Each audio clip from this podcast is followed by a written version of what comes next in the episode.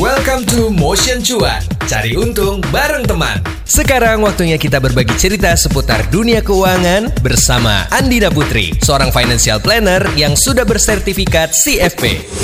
Ya, selamat hari Senin dan selamat datang lagi di Motion Cuan. Cari untung bareng teman. Jadi biasa lo tau kalau di Motion Cuan tuh kita ngomongin masalah bisnis, cerita-cerita bisnis, ya kan? Gimana caranya dapat insight-insight yang bisa memberi inspirasi gitu loh.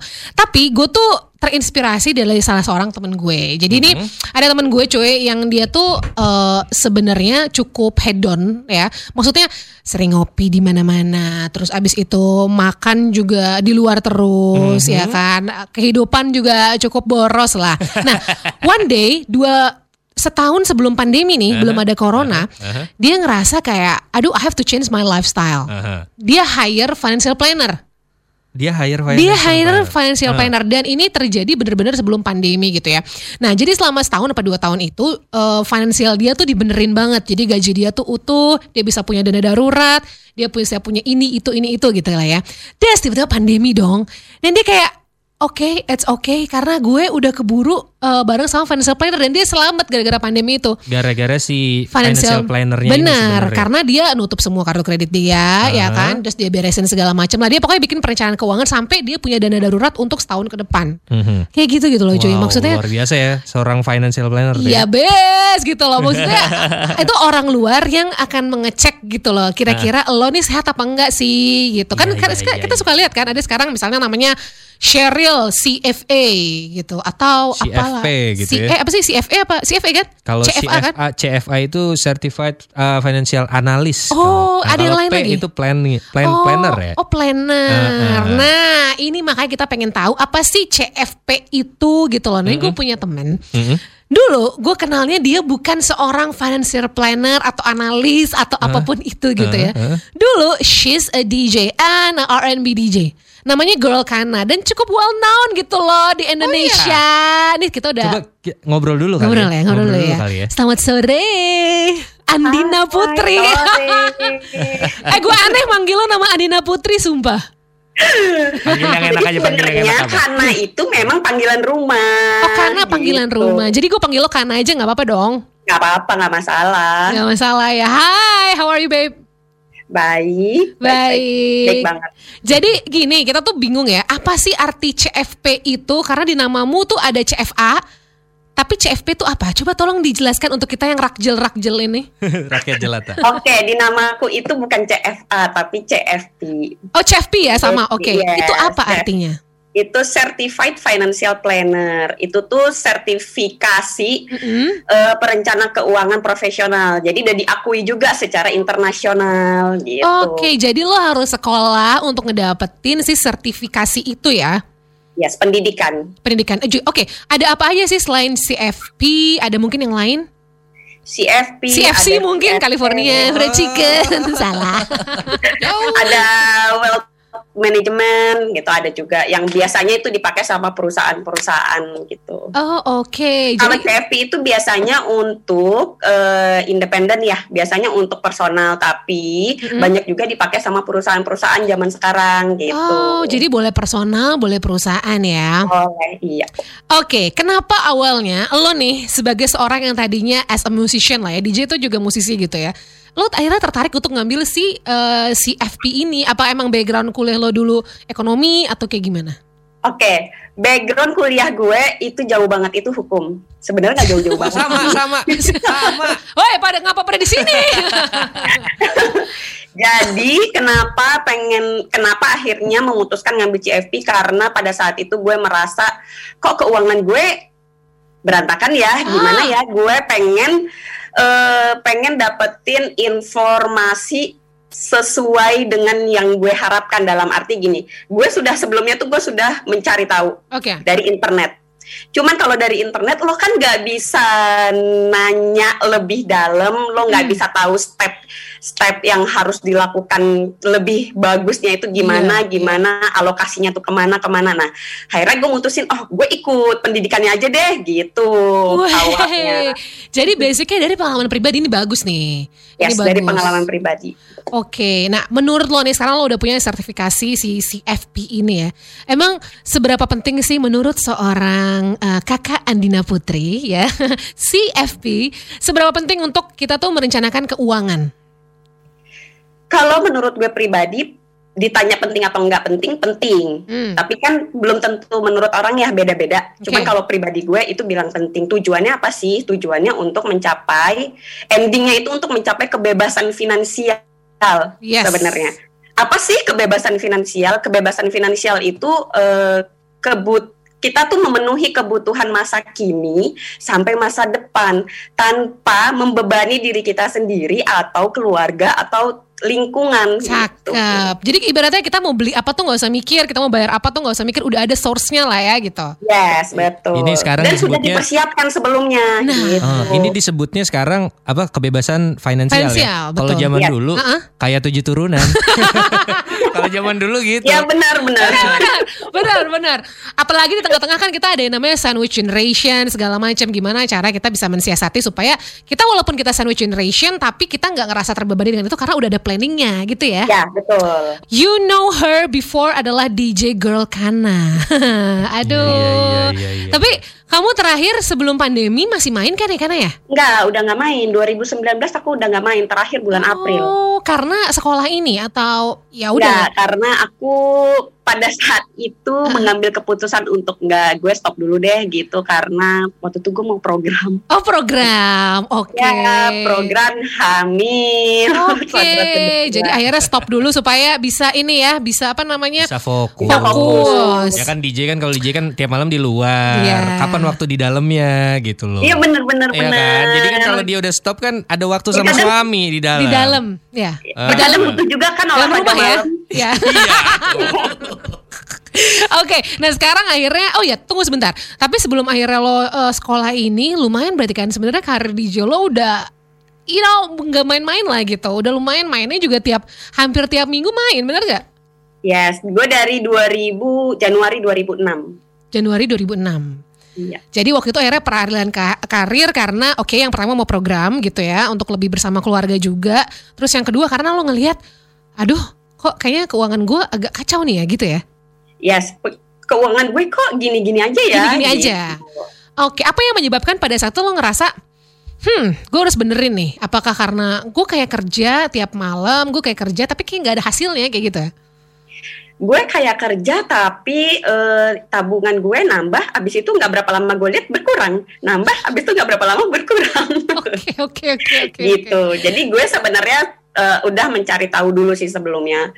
Sebelum gue ngambil program ini, gue sudah mencari tahu dulu Mm-mm. eh, bagaimana untuk eh, me- bagaimana menabung yang benar menabung pada saat itu ya gue berpikir ya menabung yang benar Hmm, hmm. gue udah baca stepnya gue udah baca alokasinya segala macam segala macam tapi gue merasa nggak puas dengan apa yang gue baca gitu Oke, pada akhirnya akhirnya. gue cari tahu oh kayaknya sebelum sebelum gue mencari tahu itu gue berpikir wah kayaknya memang kita butuh edukasi lebih nih Yes. untuk eh, untuk merencanakan keuangan seenggaknya untuk diri sendiri deh gitu membantu diri sendiri Mhm. gitu Nah, itulah tadi lo ngomongin edukasi gitu ya. Sebenarnya orang Indonesia tuh menurut lo udah melek belum sih sama perencanaan keuangan gitu? Apa yang ada yang barbar juga? Lo lo pakai perencanaan keuangan nggak? Maksudnya lo udah berencana nggak tiap bulan lo punya kayak Berencana. Berencana Keluarga untuk berencana. berencana untuk habiskan, ya kan? jadi lo Gitu. barbar aja ya? Iya, kalau kalau gue soalnya tipenya adalah orang yang apa ya? eh, hidup di masa sekarang gitu loh. Oke. Ya bukan yang nggak mikirin masa depan ya, cuman Yes, kayak yes, yes, cuman ngerti, kayak gue selalu gue selalu mikir umur nggak ada yang tahu. Iya, pokoknya Nanti apa ditabung-tabung 40 juta, 50 juta tiba- tiba-tiba besok ketabrak gitu kan ah, 50 jutaku. Mohon, mohon maaf ya gitu, temen saya emang kayak gitu pikirannya. Aku foya-foya Iya, ya iya, kan? iya, iya, iya, iya. jadi nikmatin aja Iya, gitu kan lebih ke nikmatin aja gitu sih. Oke, berarti menurut lo orang Indonesia sebenarnya kurang melek perencanaan keuangan nih, karena kalau gue pribadi bilangnya belum melek karena mereka kita itu Indonesia itu masih kurang literasi ya tentang keuangan itu Hmm. satu yang kedua tabu untuk dibahas apalagi sama orang lain oh iya yang ya. nggak kenal menurut menurut gue sih seperti itu sama halnya kayak eh, warisan Mm-mm. itu kan juga tabu kan kayak dibahas di jangankan sama orang lain sama keluarga aja Iya. Ah lo nyumpahin gue mati kalau orang tua kan ngomong Iya nyumpahin gue benar. Padahal sebenarnya kalau dibahas sebelum itu kita bisa menghindari kayak berantem berantem, ya Betul. kan? Ya, Nanti betul. sengketa di akhirnya gitu. Bener gak sih? terus satu lagi orang Indonesia itu seneng ngelihat angka di ATM semakin banyak Iya, iya, iya. semakin senang jadi dia merasa duit gue udah banyak nih gitu padahal kenyataannya tidak seperti itu gitu. Benar, benar, benar. Nah, nah kalau misalnya s- kita ngomongin soal pekerjaan financial planner gitu ya, itu pekerjaannya gimana sih? Contoh misalnya, oke Kana, I need your help, please help me. Nah, tuh kerjaan lo bakal ngapain aja ketika gue hire gitu?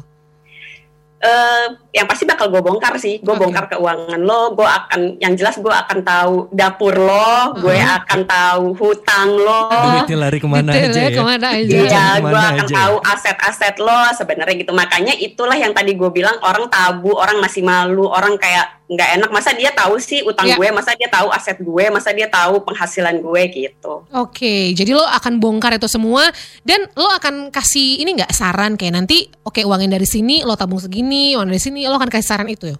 Iya, gue akan kasih saran itu. Tapi sebenarnya balik lagi, itu balik lagi ke kliennya, ke si yang punya uangnya, dia mau melakukan atau enggak, atau misalnya dia merasa keberatan, eh bisa nggak ini, bisa kita adjust sebenarnya. Hmm, Cuman kan kita kan kalau di financial planner itu kita udah ada perhitungannya, udah ada rasionya segala macam. Jadi biasanya kita kasih sesuai dengan eh, standar rasio yang ada. Hmm. Nanti klien yang memutuskan gitu. Oke, jadi lo kasih opsi-opsi gitu ya? Iya, kasih opsi-opsi. Nah, ini kalau menurut lo nih ya, se apa ya perencanaan keuangan yang baik tuh menurut lo kayak gimana sih? Apakah kita misalnya punya duit berapa puluh juta di ATM yang nganggur atau apa? Apa Sebenarnya perencanaan keuangan yang baik tuh kayak gimana sih? Iya, buat orang pemula gitu Buat kan. pemula gimana kayak nih kita mau- gitu yang nggak pernah Mau ngatur. mulai gitu kan. Siapa Oh-oh. tahu abis itu jadi tertarik. Wah ternyata Yes, seru juga ya. gitu. Oke, paling gampang adalah cash flow. Uang masuk dan uang keluar dicatat itu doang. Paling gampang. Jadi eh, oke bon-bonan itu ada di dompet bisa dicatat langsung gitu ya? Yes, tapi kalau gue sih merasa itu nggak efisien ya kalau setiap bulan kita mencatat. Jadi kalau gue pribadi, Hmm. gue akan eh, lihat nih penghasilan gue sebulan sekian. Hmm. Terus pengeluaran gue sebulan yang pasti itu apa aja? Misalnya bayar listrik, Hmm. gue harus bayar pulsa, internet segala macam. Itu udah gue rangkum tuh. Misalnya hari ini nih gue rangkum nih, gue bongkar, gue inget-inget pengeluaran-pengeluaran pasti gue. Jadilah itu si cash flow dalam sebulan Oke. sebulan ke belakang gitu. Jadi dari situ gue bisa tahu mana nih yang bocor-bocor nih, alokasi yang bocor-bocor di mana. Dari situ baru kita bisa eh, memperbaiki. Jadi ibarat kata tuh didetek dulu Ah. penyakitnya apa. Iya, oh, iya, iya. lo nih keseringan makan di luar nih. Secara nggak sadar gue udah melakukan itu sih. Eh, ya gue udah, kayak iya. habis pas udah gajian gitu gue hitung. Kemarin ini ini Ah. ini ini berarti besok gue harus bayar ini ini ini sisa berapa? Nah, Apa yang lagi ya kan? Berarti- Cicilan tinggal berapa kali lagi? lo udah melakukan tuh financial planning yang awal lah ya. Iya. Wah, oke. Step awalnya. Step awalnya seru. Oke, ini ngomongin soal anak-anak muda gitu. Karena kan banyak banget yang mikir, ah you only live once gitu kan YOLO udah gue masih muda ngapain mikirin financial planning sekarang ntar aja kalau anak udah dua ntar aja gue masih aduh belum ada tanggungan gitu itu gimana pandangan lo mengenai hal itu Sama aja kayak kita ke dokter gigi. Ke dokter gigi kan kita disaraninnya enam bulan sekali ya sama Yes, dokter yes, gigi. yes.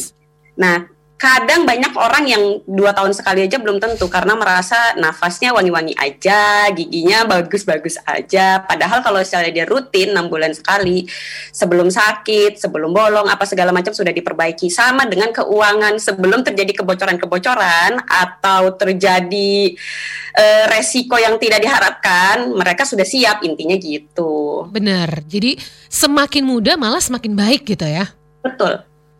Oke, mungkin malah kalau semakin muda lo belum ada tulis, belum ada kayak banyak utang, lo belum ada banyak cicilan tanggungan, malah Iya. semakin oke udah mulai dari awal early nih nggak bakal ke- bisa nggak bakal kebablasan lah gitu Mhm, kan. mhm. Tapi kemarin gue sempat ada ngelihat satu acara gitu, acara Amrik ya. Mm-mm, Jadi kayak ada suami istri atau masih pasangan gitu. mm-mm. Dia punya utang kartu kredit sekitar satu hampir satu mil satu juta satu juta dolar. Satu juta dolar tuh berapa sih? Satu m?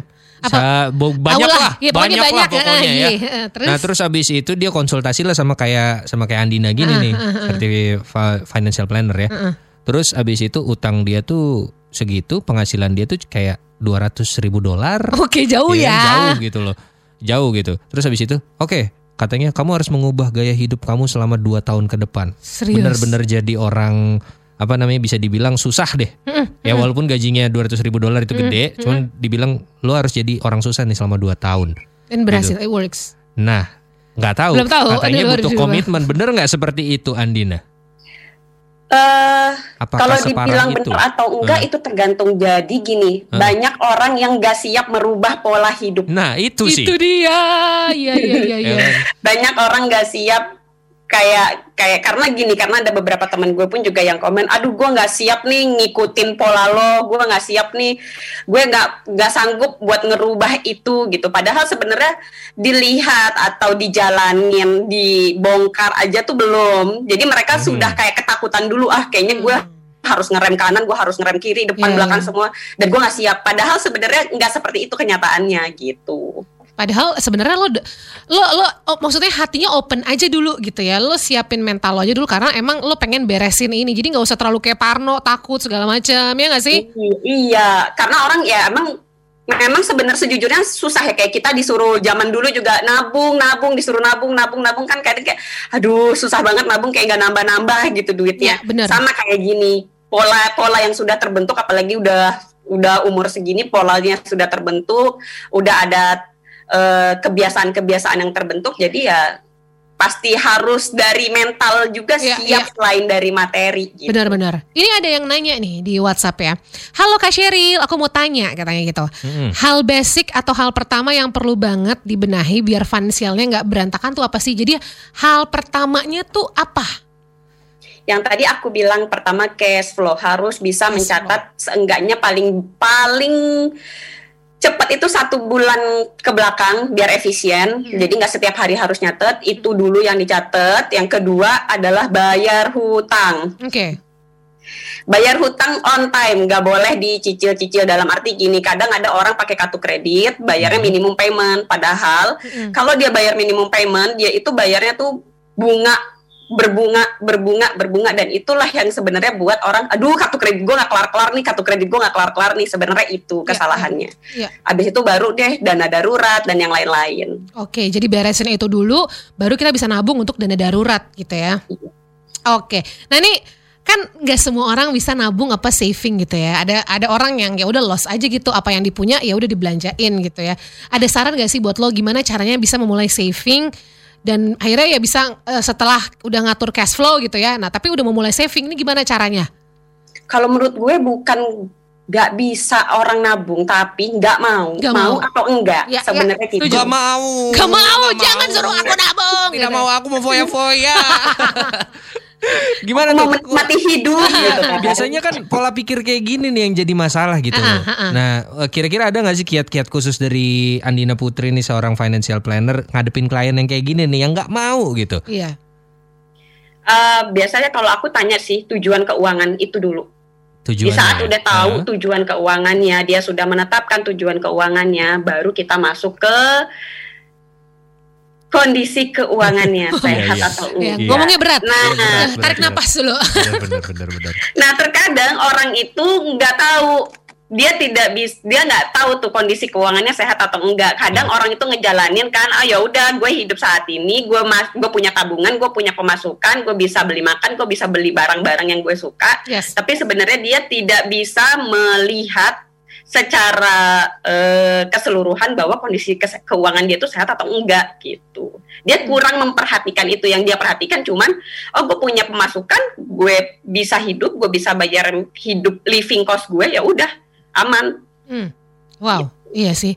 Benar juga ya. Mhm. Nah, jadi tapi- saran gue, jadi sebenarnya pertanyaannya dia mau atau enggak di saat dia ngerasa oke gue mau baru kita bongkar gitu. Oke. Oh, iya. Nah berarti ini sebenarnya eh, bedanya orang yang ngelakuin financial planning mandiri gitu ya, oke sendiri, sama pakai misalnya orang eh, pakai financial planner nih bedanya jadi jauhnya di mana? Apakah kalau orang lain bisa melihat secara subjektif atau kayak gimana menurut lo? Kalau kalau kita plan sendiri itu kan kita mendiagnosa keuangan sendiri ya. Oke, Jadi orang yang sakit. menyatakan sehat Oke. atau enggak ya diri kita sendiri. Oke, jantung gue sakit nih kayak ini. Oke, kayaknya ini nih gitu ya, kayak sakit gitu ya. Kalau planner dia kan kalau kita pakai planner lebih fokus, lebih terarah sama kayak gimana ya? Contohnya tuh kayak kita olahraga ke gym. Kita pakai PT personal trainer sama enggak. Walaupun Cakep sebenarnya oke. contohnya. Benar benar benar benar beda sih Ya, hasilnya. jadi ya. misalnya kayak hari Senin ya, misalnya gitu. Padahal kalau bisa dipikir-pikir treadmill, gue juga bisa treadmill sendiri. Padahal sebenarnya tujuannya bukan lo bisa treadmill sendiri atau enggak gitu. Yap, yap. Karena udah di, di setting goalsnya untuk apa gitu ya. Iya, karena udah tahu oh pas sebelumnya kan kita pakai PT, pasti PT bakal nanya dong, oh lo mau fokus ke mana nih? Mau Hmm. bikin six pack kah atau apakah gitu. Jadi kalau pakai planner itu lebih fokus dan terarah. Cakep. Ada yang nanya tuh, Son. Mana, Son? Iya, oh ini ada Dwi katanya. Hmm. Saya punya penghasilan 7 juta.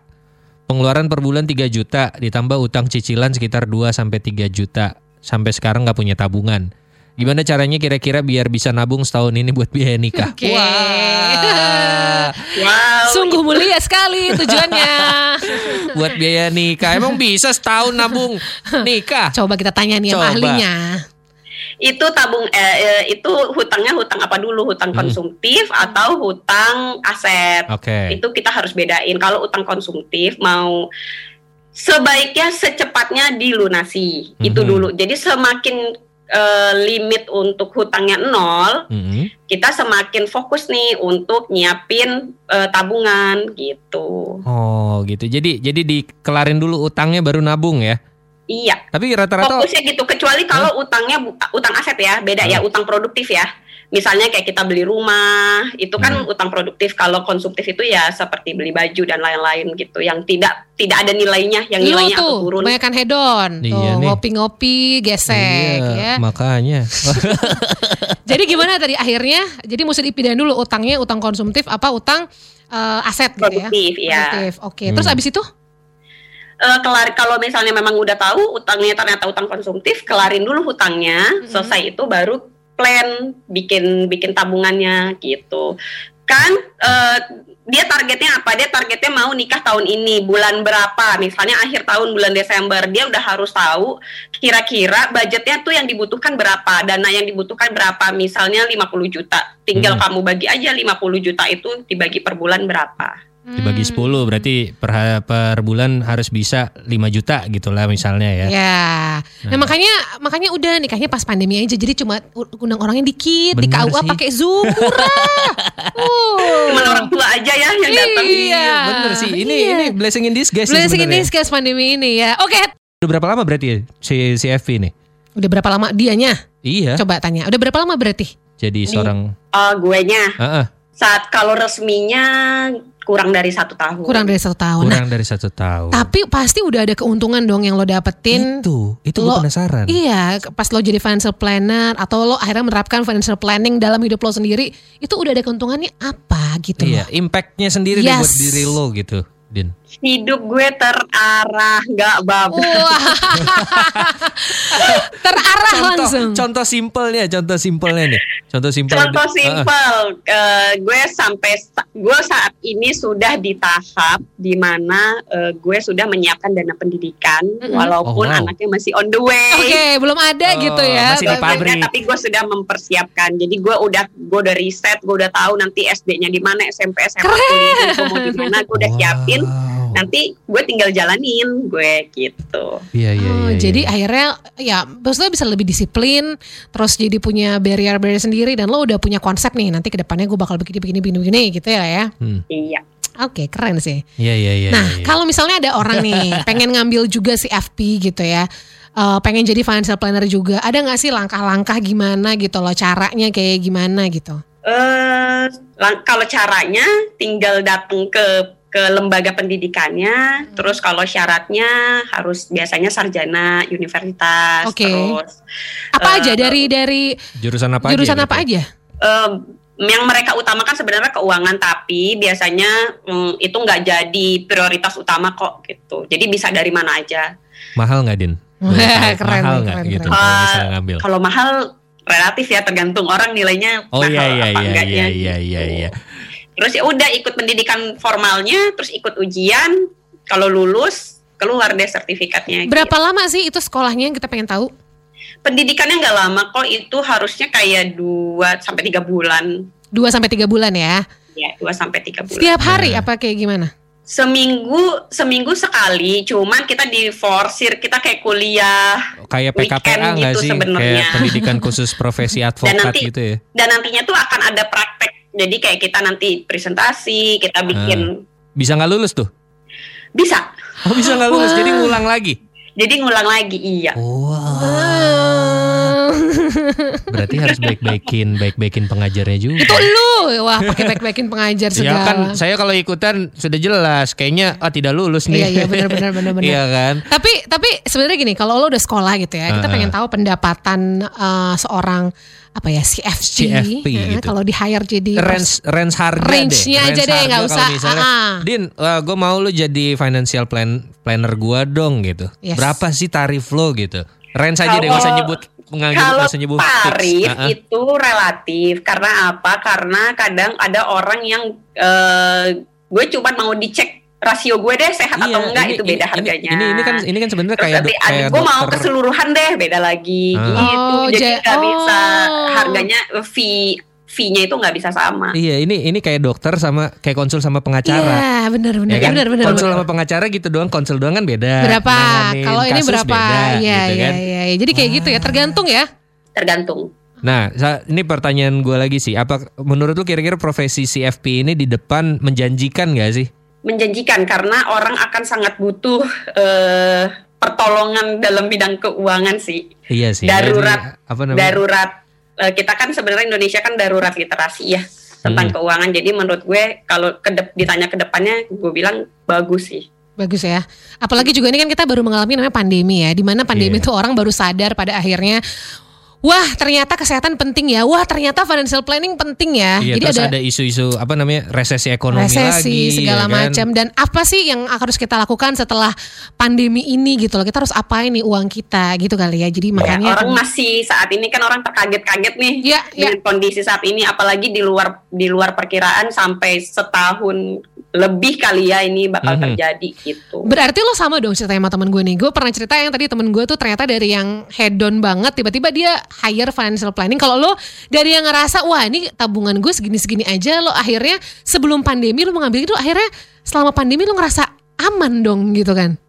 Sa- sampai saat terjadi pandemi gue sih masih santai sih Santai. secara keuangan gue masih santai masih aman jadi gue kayak oh ternyata gue ber- ada gunanya juga ya gue ngambil ini gitu Keren tuh. Walaupun sebenarnya gue tidak mempersiapkan bakal terjadi pandemi itu di luar perkiraan banget semua orang kan. Yes, Cuman bener. kayak karena gue sudah mengalokasikan dana-dana A B C D-nya, jadi ya udah gue tenang-tenang aja sih. Hmm, cakep tuh. Gimana kalau kita Apa? ikut sekolahnya apa gimana?